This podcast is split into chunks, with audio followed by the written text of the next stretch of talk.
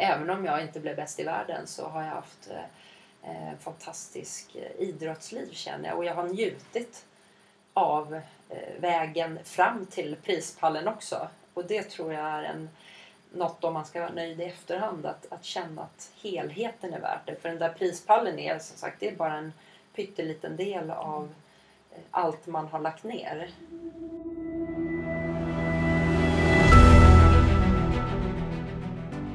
Hej och varmt välkomna till Mentala Mästare. En podcast om mental styrka och konsten att prestera på topp när det verkligen gäller. Vi som gör den här podden heter Malin Lander och Eva-Marie Vegård. Och för er som lyssnar på detta när avsnittet släpps så vill vi även önska er en riktigt härlig måndag och en bra start på veckan. Måndagar är ju dagen då man antingen känner sig extra peppad och laddad inför veckan eller också kanske behöver lite extra motivation och inspiration. Och detta är precis vad veckans avsnitt kommer att bjuda på. Vi har nämligen träffat en av Sveriges absolut främsta löparprofiler, Malin Evelöf. Malin har en 20 år lång karriär som elitlöpare inom medeldistans bakom sig. Och hon har även vunnit, vunnit Lidingöloppets 3 mil och SM i maraton. Och vi pratar med Malin om allt från nyckelpass och att känna glädje för sin träning, men också om att övervinna sina mentala spärrar och våga pressa sig ännu lite hårdare. Varmt välkomna till Mentala Mästare!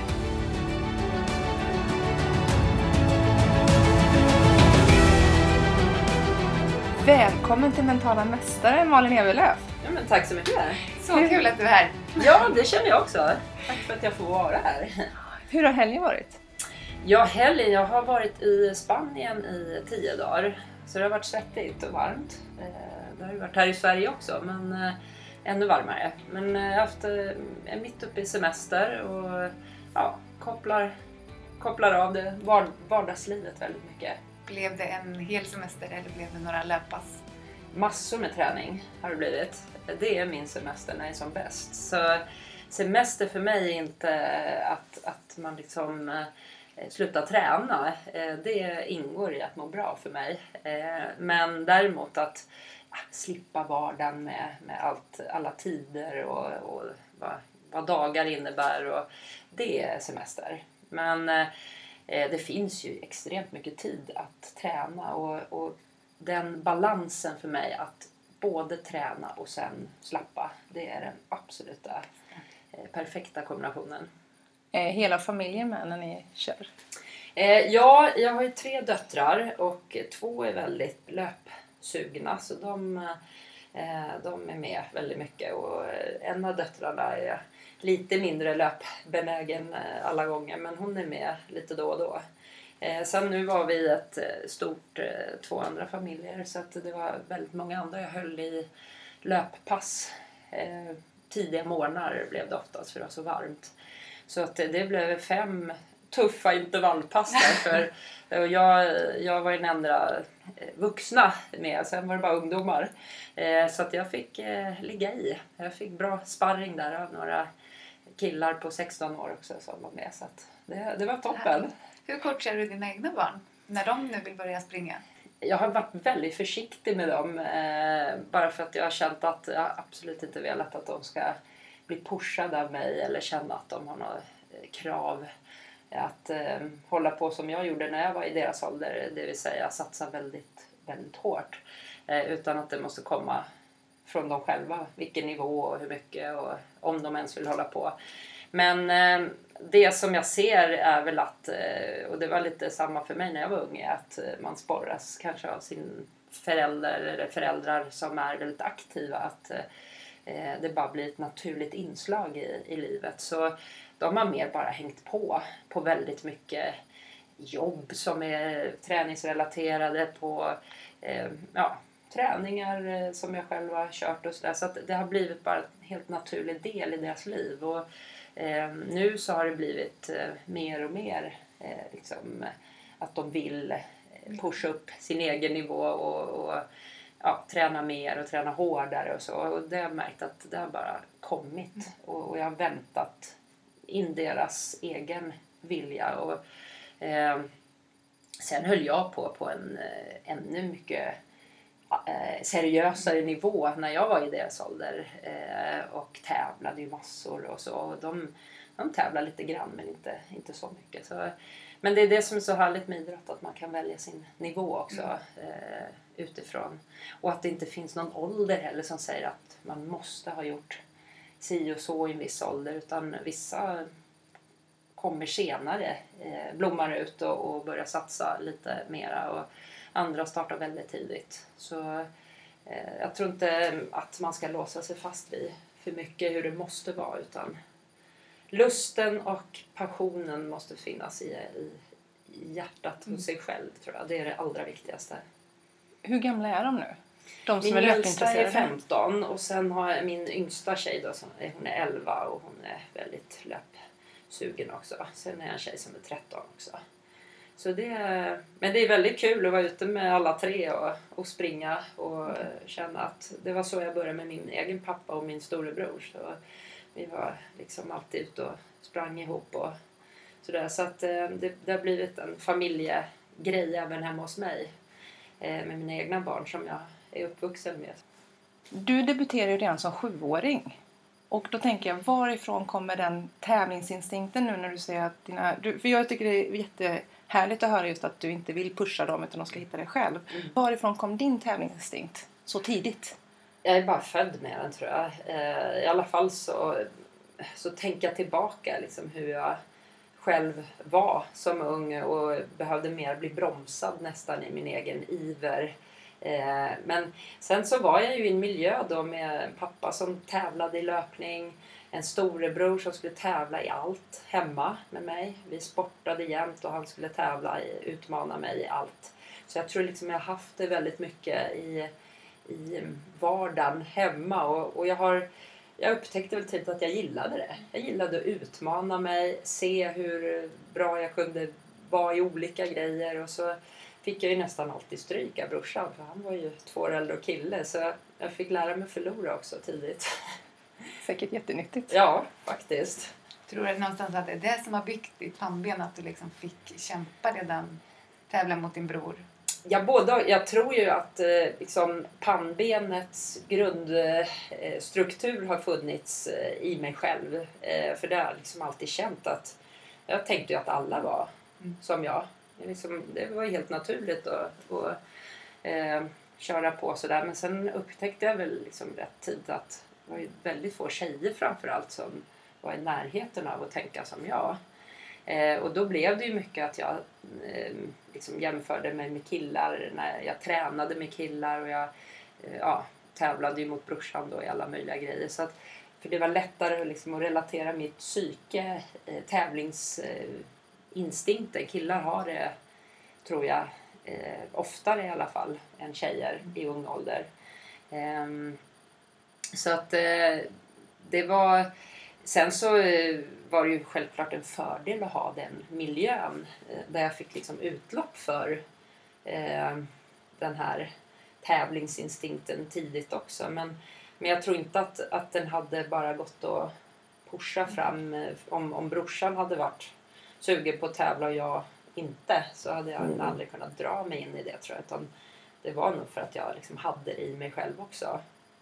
Och det är som sagt det är någonting som jag bara känt naturligt i, i mitt psyke. Och jag har aldrig varit rädd att testa mig själv heller, att, att förlora. Många är ju allt för rädda för att de inte är tillräckligt bra och då, då struntar man i det. Om man inte är helt trygg i att det här kommer jag vinna annars så, eh, så får det vara. Men jag har alltid tänkt att eh, jag vill köra på så om jag förlorar så, så inte hela världen. Då fick jag i alla fall reda på hur bra jag var. Så att det, det har jag nog liksom haft nytta av liksom i många sammanhang utanför idrotten också känner jag. Att jag liksom inte är rädd att utmana mig. Även på saker som jag inte är speciellt bra på. Och du tänker att det är helt baserat på genetik? Mm. Eller är det så du tänker? Ja, jag, jag tror mycket är eh, ska man säga, en talang. Mm. Eh, är, tror jag sitter väldigt mycket både fysiskt men väldigt mycket mentalt också. Och, och det tror jag eh, det som eh, jag märker när jag liksom har träffat andra elitidrottare och, eh, och så att man, eh, även om man kommer från olika idrotter och det är väldigt olika förutsättningar och sporter, så en gemensam, nämnare, en gemensam nämnare är att man ofta har känt att man har någonting i huvudet som, som är lite annorlunda mm. än eh, gemene man. Eh, och det är en eh, liksom, träningslust, en vilja att nöta timmar. Bara, det finns inget stopp eh, i, i det. När andra liksom lägger av då, då har man liksom inte ens börjat än känns det som. Man bara fortsätter och nöta och många har stått och sparkat boll och gjort grejer liksom timmar efter att kompisarna har gått hem. Och, driv liksom. Ja. Det, det, är något, något inre driv som liksom inte går att träna sig till heller riktigt. Man kan träna en viss mängd för att man liksom har bestämt sig och för att man kanske har en fysisk talang. Eh, men sen finns det ofta ett, ett oförklarligt driv hos eh, en del eh, som är annorlunda, så här, där det liksom är gränslöst på något sätt. Eh, och den är rätt fascinerande att, att prata om mm. med, med andra elitidrottare också för det är, det är något man känner igen sig i varandra. Och där tänker jag, för det är en väldigt fin linje mellan det här brinnande passionen och prestationsångest. Ja. Hur har du hållit balansen? Ja, alltså jag, jag är, det har jag ju sett också, enormt mycket olika eh, nivåer på självklart ett, ett eh, psyke eh, på elitnivå. Där, där man är eh, i en miljö där alla har ett väldigt tufft psyke och ett, eh, har tränat stenhårt och har liksom en ett drivkraft och en vilja. Men sen är det en väldigt stor skillnad på eh, även ehm, den, det psyket hos, eh, hos folk på samma nivå. Så, så frågan är ju... Eh, jag har väl alltid känt liksom att eh, jag har aldrig varit en sån prestationsångestmänniska äh, om man säger så. Jag har, jag har lite som jag sa att jag är, jag är aldrig rädd för att misslyckas eller att visa upp mig dålig heller. Utan jag har alltid känt att om jag har gjort mitt bästa, även de dagarna jag liksom var, ja, hade en dålig dag eller hade varit skadad eller var liksom inte på topp så, så visste jag att vägen tillbaka var liksom att bara jobba sig igenom de där grejerna. Och jag har liksom aldrig varit rädd för att liksom misslyckas. Och jag tror där ligger det ju mycket i den där prestationsångesten. Att, att eh, våga misslyckas helt enkelt. Det är, inte för att jag, det är inte så att jag gillar att misslyckas, för det är två helt skilda saker. Det är, för vissa säger men jag hatar att misslyckas. Ja, jo, men det är, hatar att förlora. Men det, det är skillnad på liksom att kunna hantera en förlust. Jag tror att jag, jag har liksom alltid känt att jag tror att jag har ehm, eh, liksom känt att förluster gör också att jag liksom får en nytändning ibland. Att man känner att det har nästan varit positivt. Eh, istället för att det drar ner en. Eh, och eh, jag har aldrig haft en prestationsångest i någonting. Inte liksom i skolan, inte i, i andra saker. Utan mera, mm, jag tror att det är en personlighet också. Sen går det säkert att träna till att bli bättre. De som har en stark prestationsångest men är väldigt duktiga i idrott kan ju med mental träning lära sig att balansera den där så att de inte får en negativ effekt av det. Men den ligger säkert alltid där som en liksom, orosmoment. Men den har jag aldrig haft. Eh, och, och det är nog en personlighet också. Älskar att tävla och utmana mig men ah, gräv inte ner mig så mycket för har du oftast satt din prestation i förhållande till andra eller har du tävlat mest mot dig själv? Alltså även om jag förstår att du tävlar mot mm. andra i lopp, har ja. det varit din egen prestation? Ja, det är en, det är en helt eh, relevant fråga för det, det är också att mm, självklart så tävlar man ju mot mm. andra i, men eh, mitt största driv har att, ut, att se hur bra jag själv har kunnat bli. Och då, då har jag ju egentligen som, eh, tävlat mot mig själv Eh, i första hand. Och självklart så är ju ens deltagare med i det eh, spelet. Men, men då, då vet jag ju också att om jag presterar väldigt bra och är i bra form och så, då, då får konkurrenterna problem. Eh, så det, det liksom löser sig själv lite grann. Att att det har varit bättre för mig att fokusera mest på min egen insats. När jag har varit som bäst har jag vetat att om jag är på topp då, då, då kommer jag vara i, i bra konkurrens mot de där som jag vill konkurrera mot också. Så att det, det har varit liksom, de kan man aldrig styra. Eh, men en, sin egen prestation är ju det som man har kontroll över eller i alla fall en möjlighet att göra någonting med. Så att, ehm, och det, det gör det också mer hanterbart tror jag. Att veta att så här mycket har jag tränat, den här formen är jag i, det här upplägget, den här taktiken är eh, det jag är trygg i. Det här.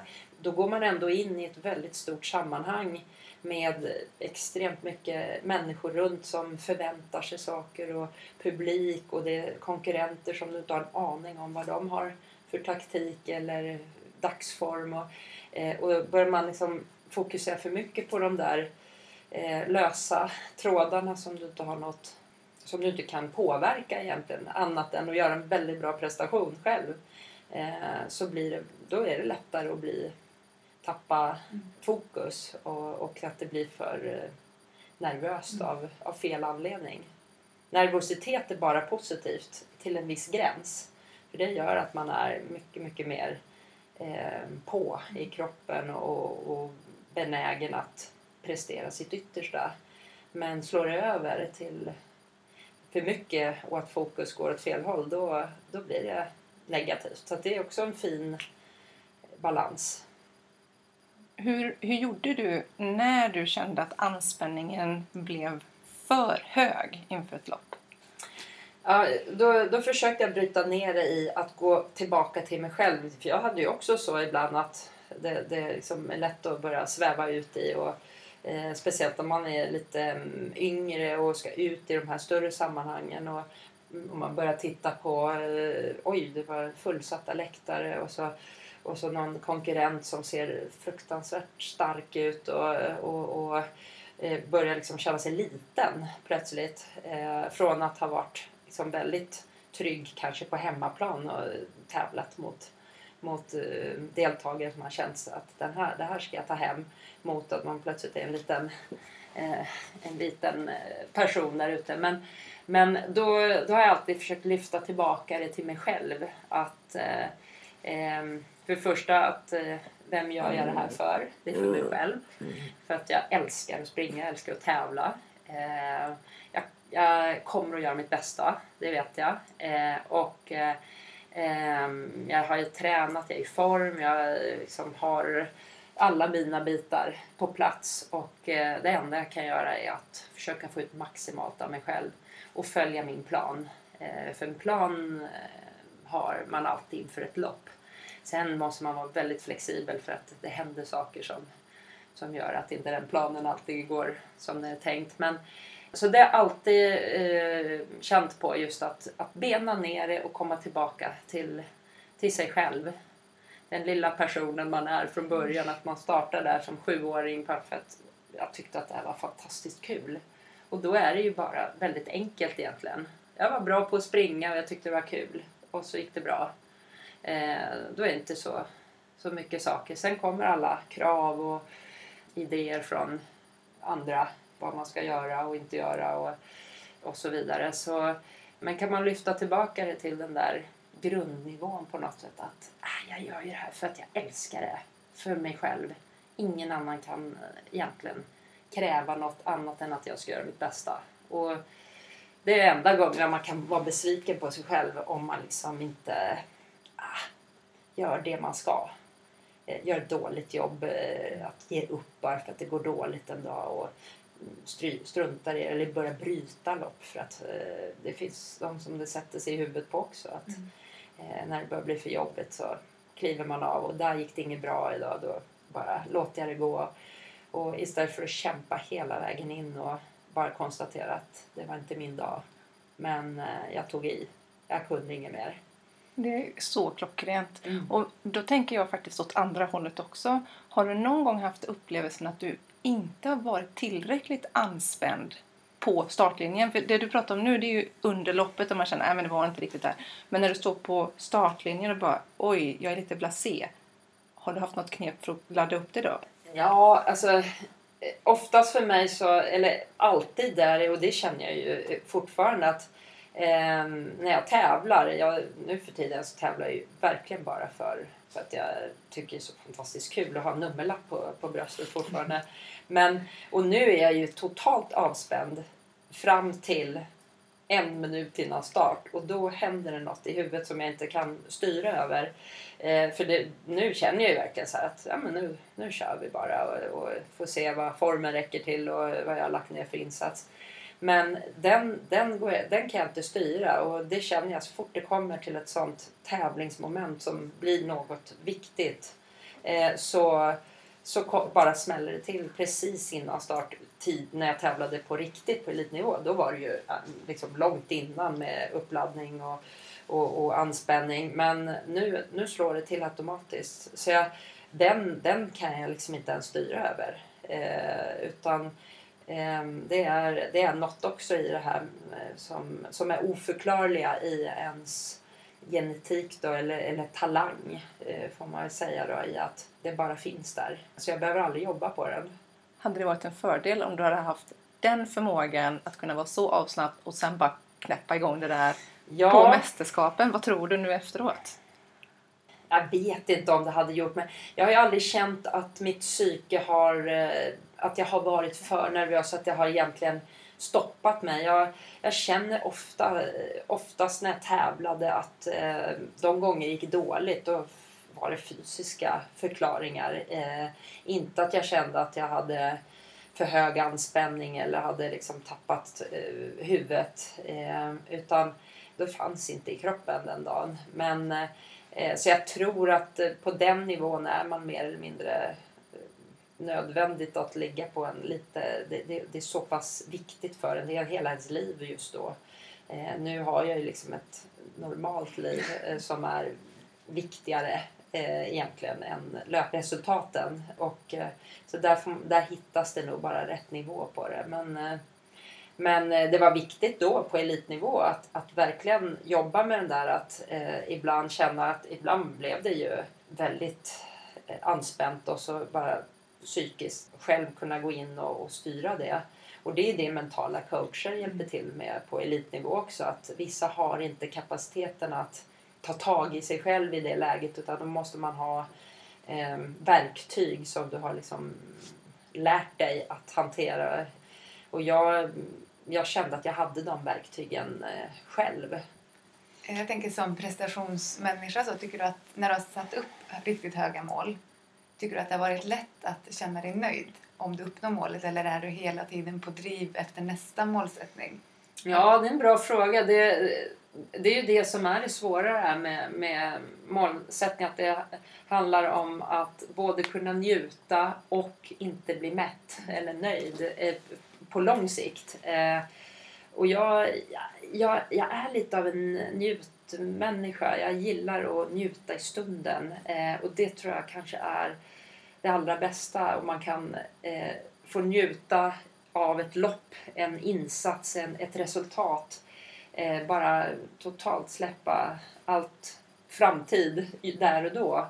Eh, men ändå inte bli liksom mätt att nu har jag uppnått mitt slutliga mål här. Jag uppnådde aldrig mitt slutliga mål, det kanske var därför. Jag, jag, Vilket var ditt slut? Ja, det var ju, eh, jag skrev ju ett, ehm, eh, mina, alla mina långsiktiga mål skrev jag när jag var 15 år i ett kuvert.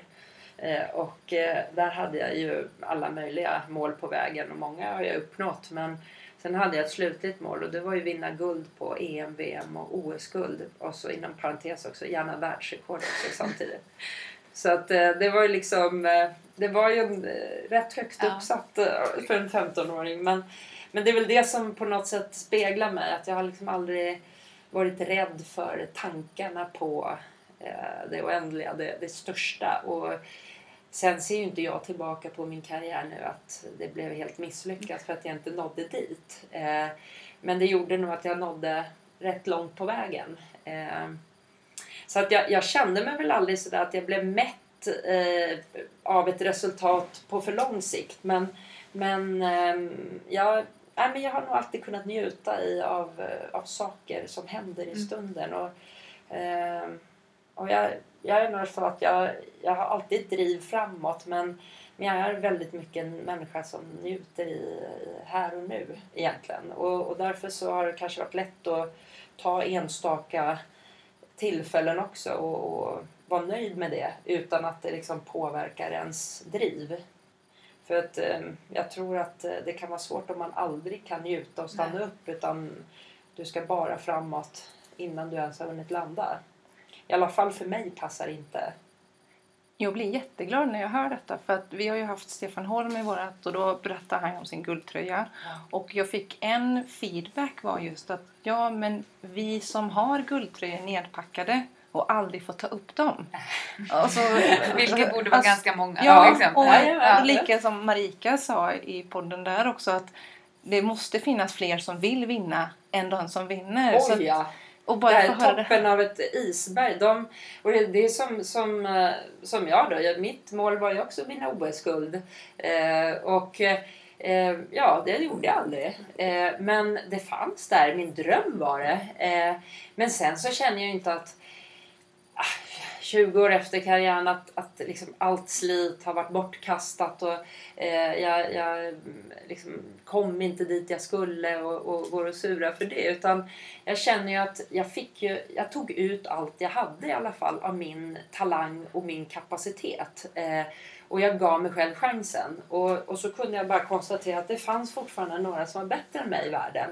Eh, om de liksom eh, ja, var större talanger eller hade ätit något annat än havregrynsgröt eller jag vet inte. Men det, det spelar liksom ingen roll. Eh, för mig var det liksom att jag gick min resa med mig själv. Och då kom jag så långt jag kom. Och jag har haft fantastiskt eh, liv med idrotten. Och jag, självklart så hade jag velat stå överst på prispallen på OS. Det hade varit en fantastisk upplevelse. Men jag tror inte så här att jag hade blivit en lyckligare människa i grund och botten i efterhand. Eh, utan det är liksom en, en stund där och eh, någonstans så tror jag det allra viktigaste är att man känner att man eh, tar ut sitt yttersta och, och får på något sätt ut sin kapacitet. Och konkurrensen kan man aldrig göra något åt. Så att eh, det är ju det som är fascinerande med idrott också. Att, att det är oförutsägbart också på ett sätt. Eh, och det är så mycket som ska stämma. Jag, jag har njutit liksom också på vägen. Det är ju det, är ju det liksom att, att stå på prispallen, det är ju få förunnat. Det är ju de vi ser där då, och, och då framförallt, och då duger inte ens med silver och brons alltid utan jaha, det är bara guldet som är det, det ultimata och så är ju vi lagda människor att det är liksom, eh, den bästa är den som har vunnit. Och det är ju det som är häftigt. Men eh, sen är det ju många som aldrig har stått på den prispallen som har tränat lika mycket som har haft jättestora talanger som har velat det eh, och gjort allt de har kunnat. Men de fick aldrig ens komma upp där. Och eh, så att det är ja och det är ju den liksom hårda sanningen liksom att vi, man alltid ser bara det glamouren av, av allt slit som folk har lagt ner. Och det är något jag kan tänka på liksom att om man då inte har njutit av liksom vägen fram eh, då kan det ju kännas bittert kanske då i slutändan att man har lagt 20 år av sitt liv och, och stretat på om man nu ser det så och så kommer man aldrig fram till något stort. Men jag ser ju inte så. Jag ser ju liksom hela min resa med idrotten som en eh, som jag aldrig hade velat ha ogjort. Eh, oavsett hur långt jag kom egentligen. Eh, och sen har det varit fantastiska stunder när man har fått kliva upp på olika prispallar och, och slå rekord och, och utifrån sig själv förbättra sig. Eh, även om jag inte blev bäst i världen så har jag haft eh, eh fantastisk eh, idrottsliv känner jag och jag har njutit av eh, vägen fram till prispallen också. Och det tror jag är en, något om man ska vara nöjd i efterhand att, att känna att helheten är värt det. För den där prispallen är som sagt det är bara en pytteliten del av eh, allt man har lagt ner. Och som många säger då offrat. Fast jag tycker inte att det är offra men, men många säger att man, ja, man har ju fått ta bort vissa andra delar under en period i sitt liv. Eh, och så har man fått andra saker. Så det, eh, det är ju så. Det, det är ett an, annat tänk bara. Hur ser du på målsättningen nu när du springer och fortsätter tävla för att du tycker att det är roligt? Har du, satt, sätter du upp fortfarande mål med lopp som du vill springa eller genomföra? Eller? Ja, nej men det gör jag. jag.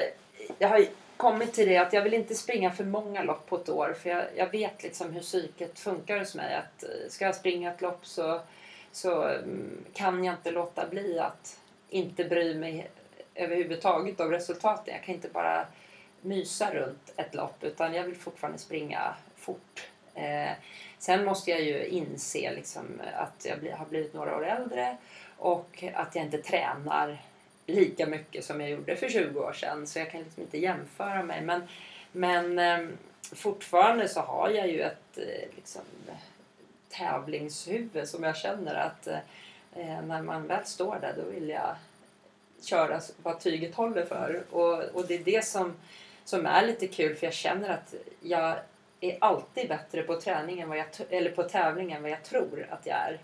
Jag, nu för tiden tänker jag så att nej, men jag har inte tränat tillräckligt och jag kan kanske inte förvänta mig mer än... Jag sätter alltid upp något eget mål. Och så märker jag att jag springer alltid bättre än vad jag tror att jag är i för form. För jag, jag har liksom så pass ja, höga tankar om vad jag tror att det ska krävas för att nå det. Men så finns det någon extra eh, växel där när, när, när tävlings... Eh, nummerlappen åker ja, på. nummerlappen åker på. Då, då, eh, då blir det ett par minuter bättre än vad jag tror oftast. Och det är ju jättehärligt. Det blir, så jag blir alltid positivt överraskad. Det är därför jag fortsätter. Jag kommer inte sluta så länge det är så. Ja, jag, jag känner igen mig i det där. Ja. Mm. Du lyssnar på Mentala Mästare. Kom ihåg att prenumerera på podden för att inte missa nästa program. Och följ oss gärna på Instagram, Mentala Mästare. Jag satt och kollade på Diamond League igår och kollade på 800 meters finalerna. Och man kunde ju verkligen se på vissa när mjölksyran slår till. Ja. Vad rent mentalt kan man göra i det läget för att verkligen ändå kräma ur det sista? Ja, alltså mycket handlar ju om... Eh, det, det är det som är så... 800 är en ruggig distans på det sättet att det finns liksom olika nivåer på mjölksyran också. Ibland är det ju den så kallade väggen, mjölksyran. Och, och där, där kan inte psyket påverka i stort sett någonting. Det är, då, då eh, lever eh, kroppen sitt egna liv och hur gärna du än Eh, vill och hur mycket du matar dig med eh, eh, information att eh, lyfta knäna mera och trycka på ännu mer och springa fortare så händer ingenting. Eh, eh och den är ruggig när man inte känner att det, det, hjärnan och kroppen har inte kontakt längre. Och kroppen är den som är chef och den är ingen bra chef för den har havererat.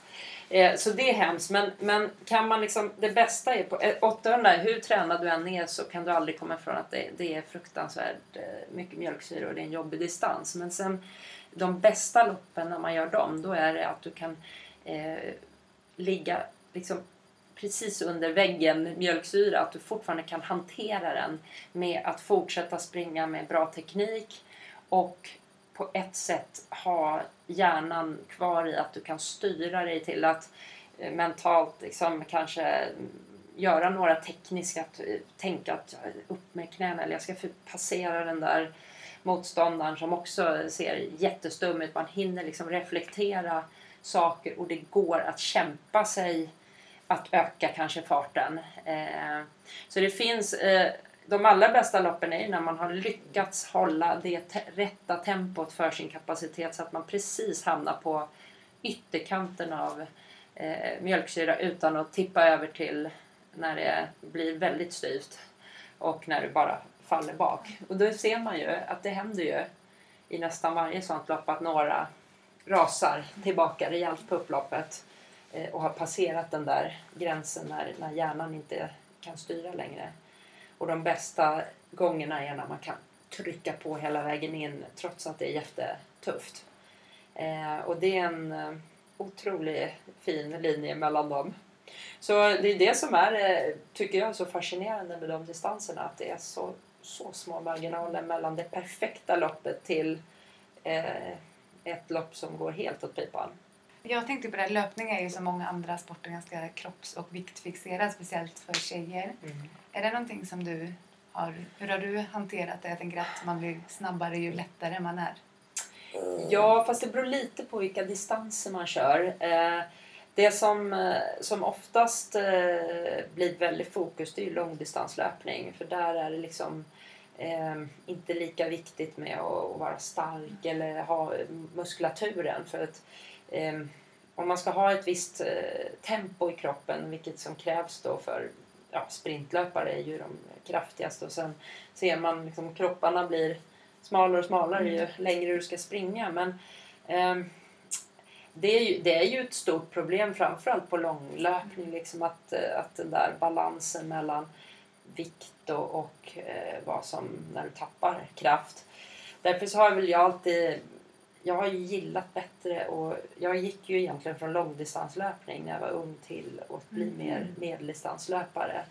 Eh, för jag har alltid tyckt att för det första så har det varit eh, mentalt roligare tycker jag de distanserna 8 och 1500 där det är liksom mer fight och krig liksom. Man om känner sig stark, liksom. Och så är den det gäller inte bara att vara uthållig och lätt utan du måste ha en eh, snabbhet i dig. En, en, du måste vara både ganska snabb och uthållig i, ett, i, i, en och samma kropp. Och, ehm, och jag tror att det passade kanske min kropp bäst också. Att jag, jag var väldigt, jag var alldeles för tunn när jag var ung och det, det var också ett, så att många pratade om att jag hade problem med vikt och så. Men det var inget som jag ville. Jag ville aldrig vara så smal. Eh, det var bara att min kropp är byggd väldigt smal i grunden. Jag har fått kämpa mig till muskulaturen.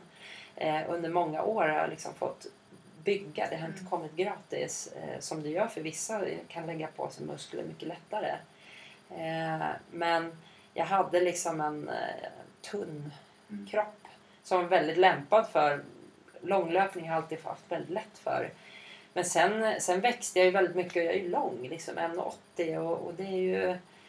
Det är ju ja, medeldistanslöpning, jag var ju bland de längsta där. Men på långdistans så är de ju väldigt små, Mm. de flesta. Så där är, liksom, där är jag ju nästan för stor liksom, eh, för att ha idealisk kropp. Eh, Sen har jag ändå alltid haft talang för det och springa långt. Det har liksom varit en motor. Men, men så har jag mer fått kämpa för att bli snabb.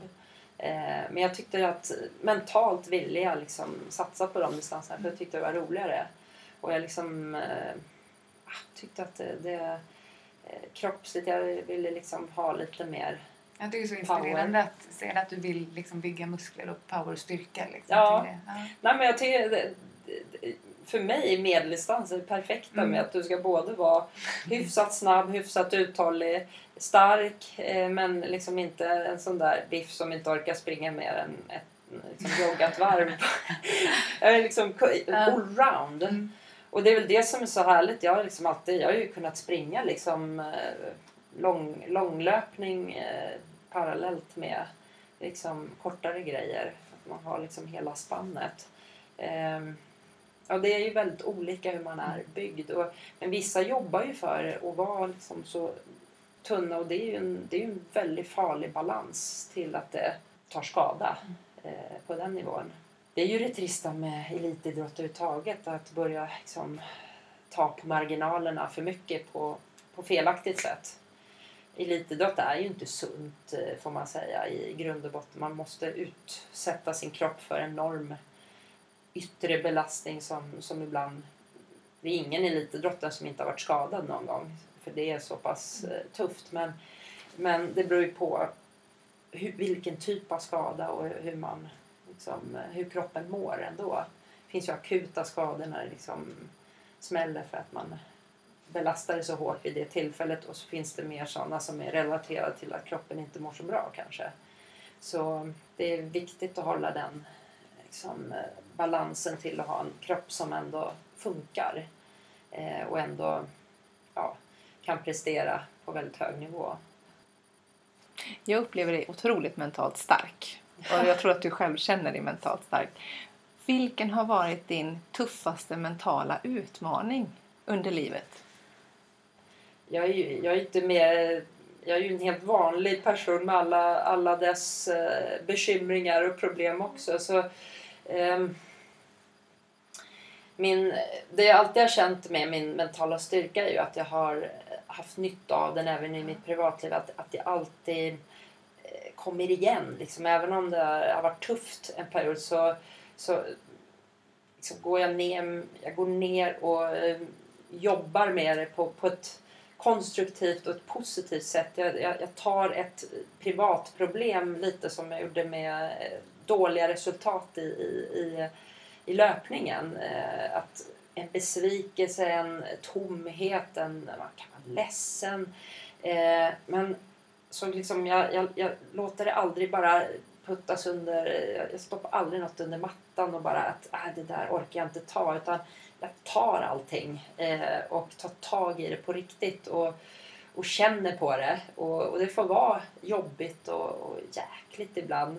Eh, och sen, sen så har jag känt att psyket alltid funkar ändå. Att det vänder liksom i, i den... Eh, tar alla problem på riktigt och så, så eh, hittar jag någon liksom, väg framåt från det. Och, och sen så ser jag alltid liksom att eh, negativa eller tuffa saker i ens liv det ger ju en, en ny erfarenhet. Alltid. Eh, och det var samma med idrotten. Ett dåligt resultat, en dålig insats där. Någonting gav det. Det var inget kul alls. Men vad gav det? Jo, det gav mig en ny erfarenhet av att, att där taktiskt sett gjorde jag bort mig där. Eller jag liksom kände att jag, ja, jag klarar att stå inför en eh, tv-intervju och, och, och, bara säga att det gick inte bättre idag. Och, och liksom ja, bli stark i det. Och, och, alltså, jag tror att jag har ju liksom ett helt normalt liv som alla, eh, alla människor har med, med eh, upp och nergångar. Men, men eh, det som, som sagt som, som jag nog kan liksom se som en väldig styrka och som jag önskar eh, andra kunde dra nytta av om de, om de hör är just det här att, att eh, aldrig vika undan för eh, känslorna som, som kommer i motgångar och i, i eh, vad som händer i livet. Och bara vara där. Eh, det är rått och ärligt och, och, tufft men bara stå i det tills det, tills det bara vänder och så ser du någonstans att eh, fasen det gav ju någonting eh, nytt nya perspektiv, nya, ny styrka. Att, att, och, och, att ta sig tillbaka från en botten, är, det, det ser jag som en liksom häftig grej också. Är du alltid uppe här på flyter på, på guldvågen så, så kan det, då, då tappar du liksom perspektiv. Man måste ner och känna på det hårda ibland, känner jag i alla fall. Jag mår bra av det. Och så får man liksom dra tag i och så, och så känna att, äh, en, en stolthet i att man tar sig tillbaka. Det är ju det som är på något sätt det häftiga i up and downs. Mm. Så, men, eh, men det har ju, mitt liv har ju också varit utmanande. Just eh, idrottsligt så har det varit skadorna, just de långa perioderna. Man liksom, och då blir man ju osäker på sig själv ibland. Vad, är, vad, vad har det här halvåret helt utan löpning gjort? vad, vad har den här träningen som jag har gjort, eh, vad, kommer jag hänga med? Liksom, de första loppen där är ju jätteläskiga och känner sig liksom lite ringrostig och så. Um, nej, och sen i livet i övrigt. Eh, liksom jag ja, gick igenom skilsmässa för fem år sedan och det var det läskigaste jag har gjort på ett sätt. Så att, att stå ja, som vet inte vad det innebär, aldrig gjort det, ingen erfarenhet, inget att falla tillbaka till. Eh, mycket lättare att ta en motgång på, på löparbanan. Där vet jag vad jag ska göra och vad det innebär. Så står man med tre barn och vet inte alls eh, plötsligt vad, vad, vad, vad det innebär att få ihop livet. Skapa något helt nytt kring sig. Så att, eh, då, då var jag då var jag lite rädd.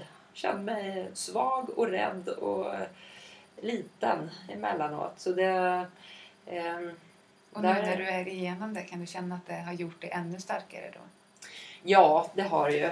Eh, och det är ju det som är så eh, märkligt med, med människan eller psyke överhuvudtaget. Att eh, ofta så är det ju så att hur tufft det än har varit finns finns självklart saker som aldrig man kan förklara till att det är värt att gå igenom. Men många saker eh, som är av en något lindrigare karaktär eh, kan jag uppfatta i alla fall som att eh, fasen det där har ju det var jättenyttigt. Eh, även för mig, man får liksom en tänka till själv också och, starta om på något sätt. Och, och, så eh, många saker tycker jag har en mening med att det där behövde jag. Ruskas om, tänka till eh, och ja, ut, utvecklas.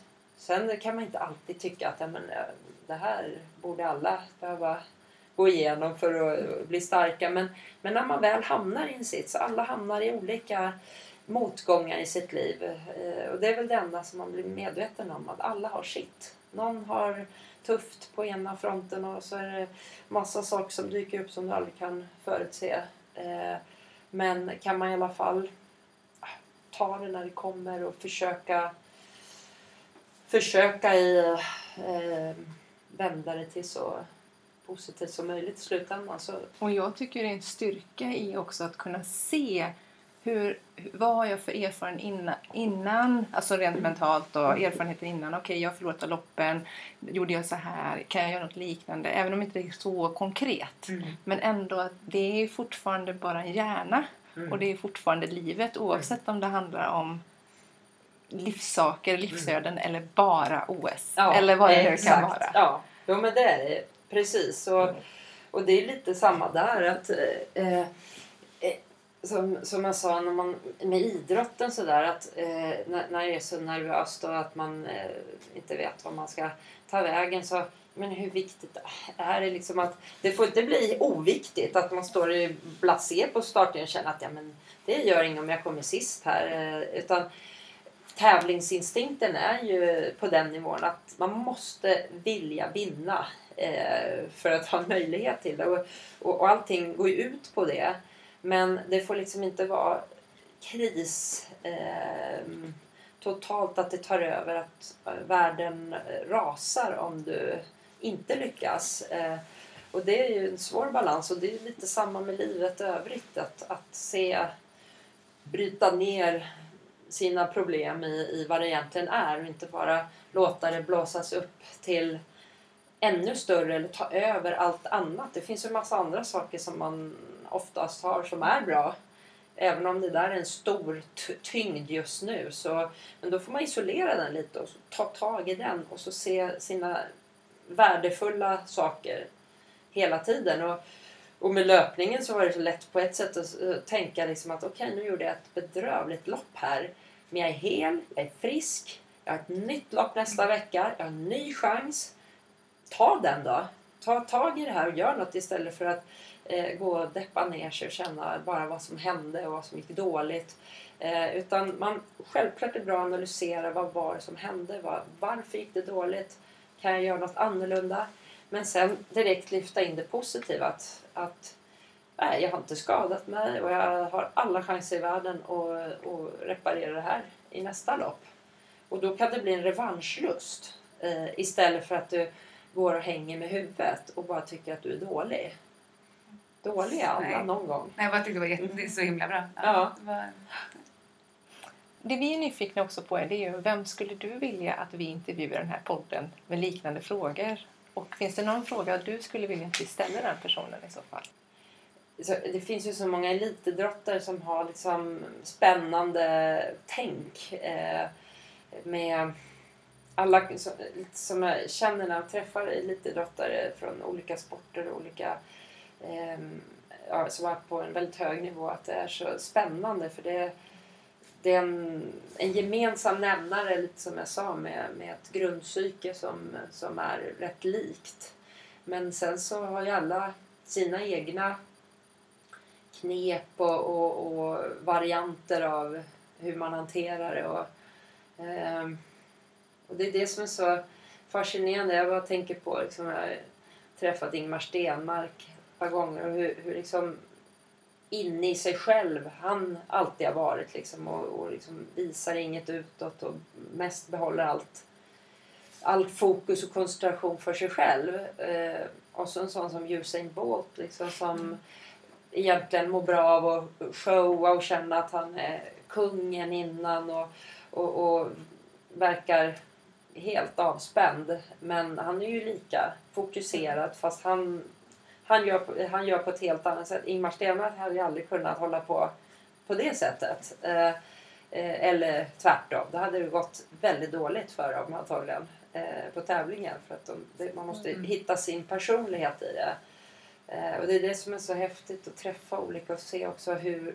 Det är inte så att den ena är, är liksom mer fokuserad än andra. Det är bara så extremt olika. Men finns det någon som Så- har du har träffat som kanske har varit lite annorlunda och ändå levererat antingen om vi pratar aggressivitet eller vad som helst? Ja, ja precis. Det finns ju de som är... Ja, lite som jag sa, det finns ju alla möjliga. Sen finns det de som är aggressiva också innan. Eller verkar helt loj. Ja, men det är det som är så häftigt. Liksom att, att eh, eh, olika uppladdningar, om man säger så. Det handlar om att hitta sin sin eh, uppladdning som passar ens eh, personlighet och psyke tror jag. Och, och den är olika. Vissa eh, måste hålla på massa innan och, och showa och, och verka avspända och hit och dit. Och, och andra är stenansikten. Det är ju en av anledningarna till att vi gör den här podden. Mm, mm. För att man, då får man träffa mentala mästare och inse att alla är unika. Mm. Och att det inte finns ett sätt att stöpas. Och Nej. att jag kanske inte alls ska härma Zlatan. Nej, Och jag kanske inte alls ska härma Carolina Klüft. nej. Utan jag ska hitta min egen form. Ja, det är precis där vi är. Tror jag att, att eh, det grundläggande är ju att eh, det handlar om att ha ett, ett psyke för att fokusera och vilja det här väldigt starkt inuti. Sen hur man uttrycker det, det är väldigt personligt. Och det är eh, det, är det som är fascinerande att, att eh, se olika idrottare fokusera. För det är, det är ytterlägen. Eh, och det ena är inte bättre än det andra. Det är bara att det ska passa ens personlighet. Så att jag tror att det, det, det allra viktigaste är att man eh, hittar sitt sätt och precis inte, inte har en idol som man ska efterlikna. För att då, då kan det bli väldigt fel för en själv tror jag. Utan bara, bara göra det som känns helt rätt för en själv. Nej, en person som jag tycker är häftig, som jag känner det är ju Mikaela Laurén som har gått från simning till boxning. Och hon, alltså, när, om jag inte hade känt henne så hade jag nästan till varit rädd om jag hade träffat på henne. Hon ser ju så, så rå ut och så brutal. Och hon är otroligt varm, snäll, eh, lugn, härlig person. Eh, tycker jättemycket om henne som, som människa. Så, och en, eh, liksom strider helt mot ibland om man ser hennes råa utsida liksom och, och eh, attityd och så. Så eh, hon är lite härlig mm, person i hur man kan uppfatta en person mot eh, hur man är privat. Så, och det är lite kul. Eh, en eh, väldigt annorlunda resa också. Från liksom, börja som simmare på en bra nivå. Vilket är en helt annan sport än boxning. I alla fall uppfattar jag det som. Utan att ha hållit på med någon av sporterna. Men, det är väl ett jättebra tips. Mm. Nu får vi kika Mm. närmare på Mm. detta. Tack så jättemycket för att du ville Tusen vara med. tack. tack själva.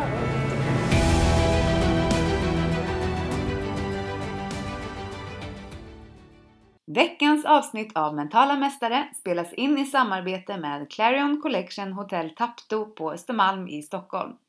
På Tapto serveras en härlig ekologisk frukostbuffé varje morgon och dessutom ingår en hemlagad middagsbuffé för alla hotellets gäster. Så nästa gång ni besöker Stockholm, bo på Hotell Tapto på Östermalm, ett stenkast från city och med Kungliga Djurgården alldeles runt hörnet. Tusen tack säger vi till Clarion Collection Hotel Tapto.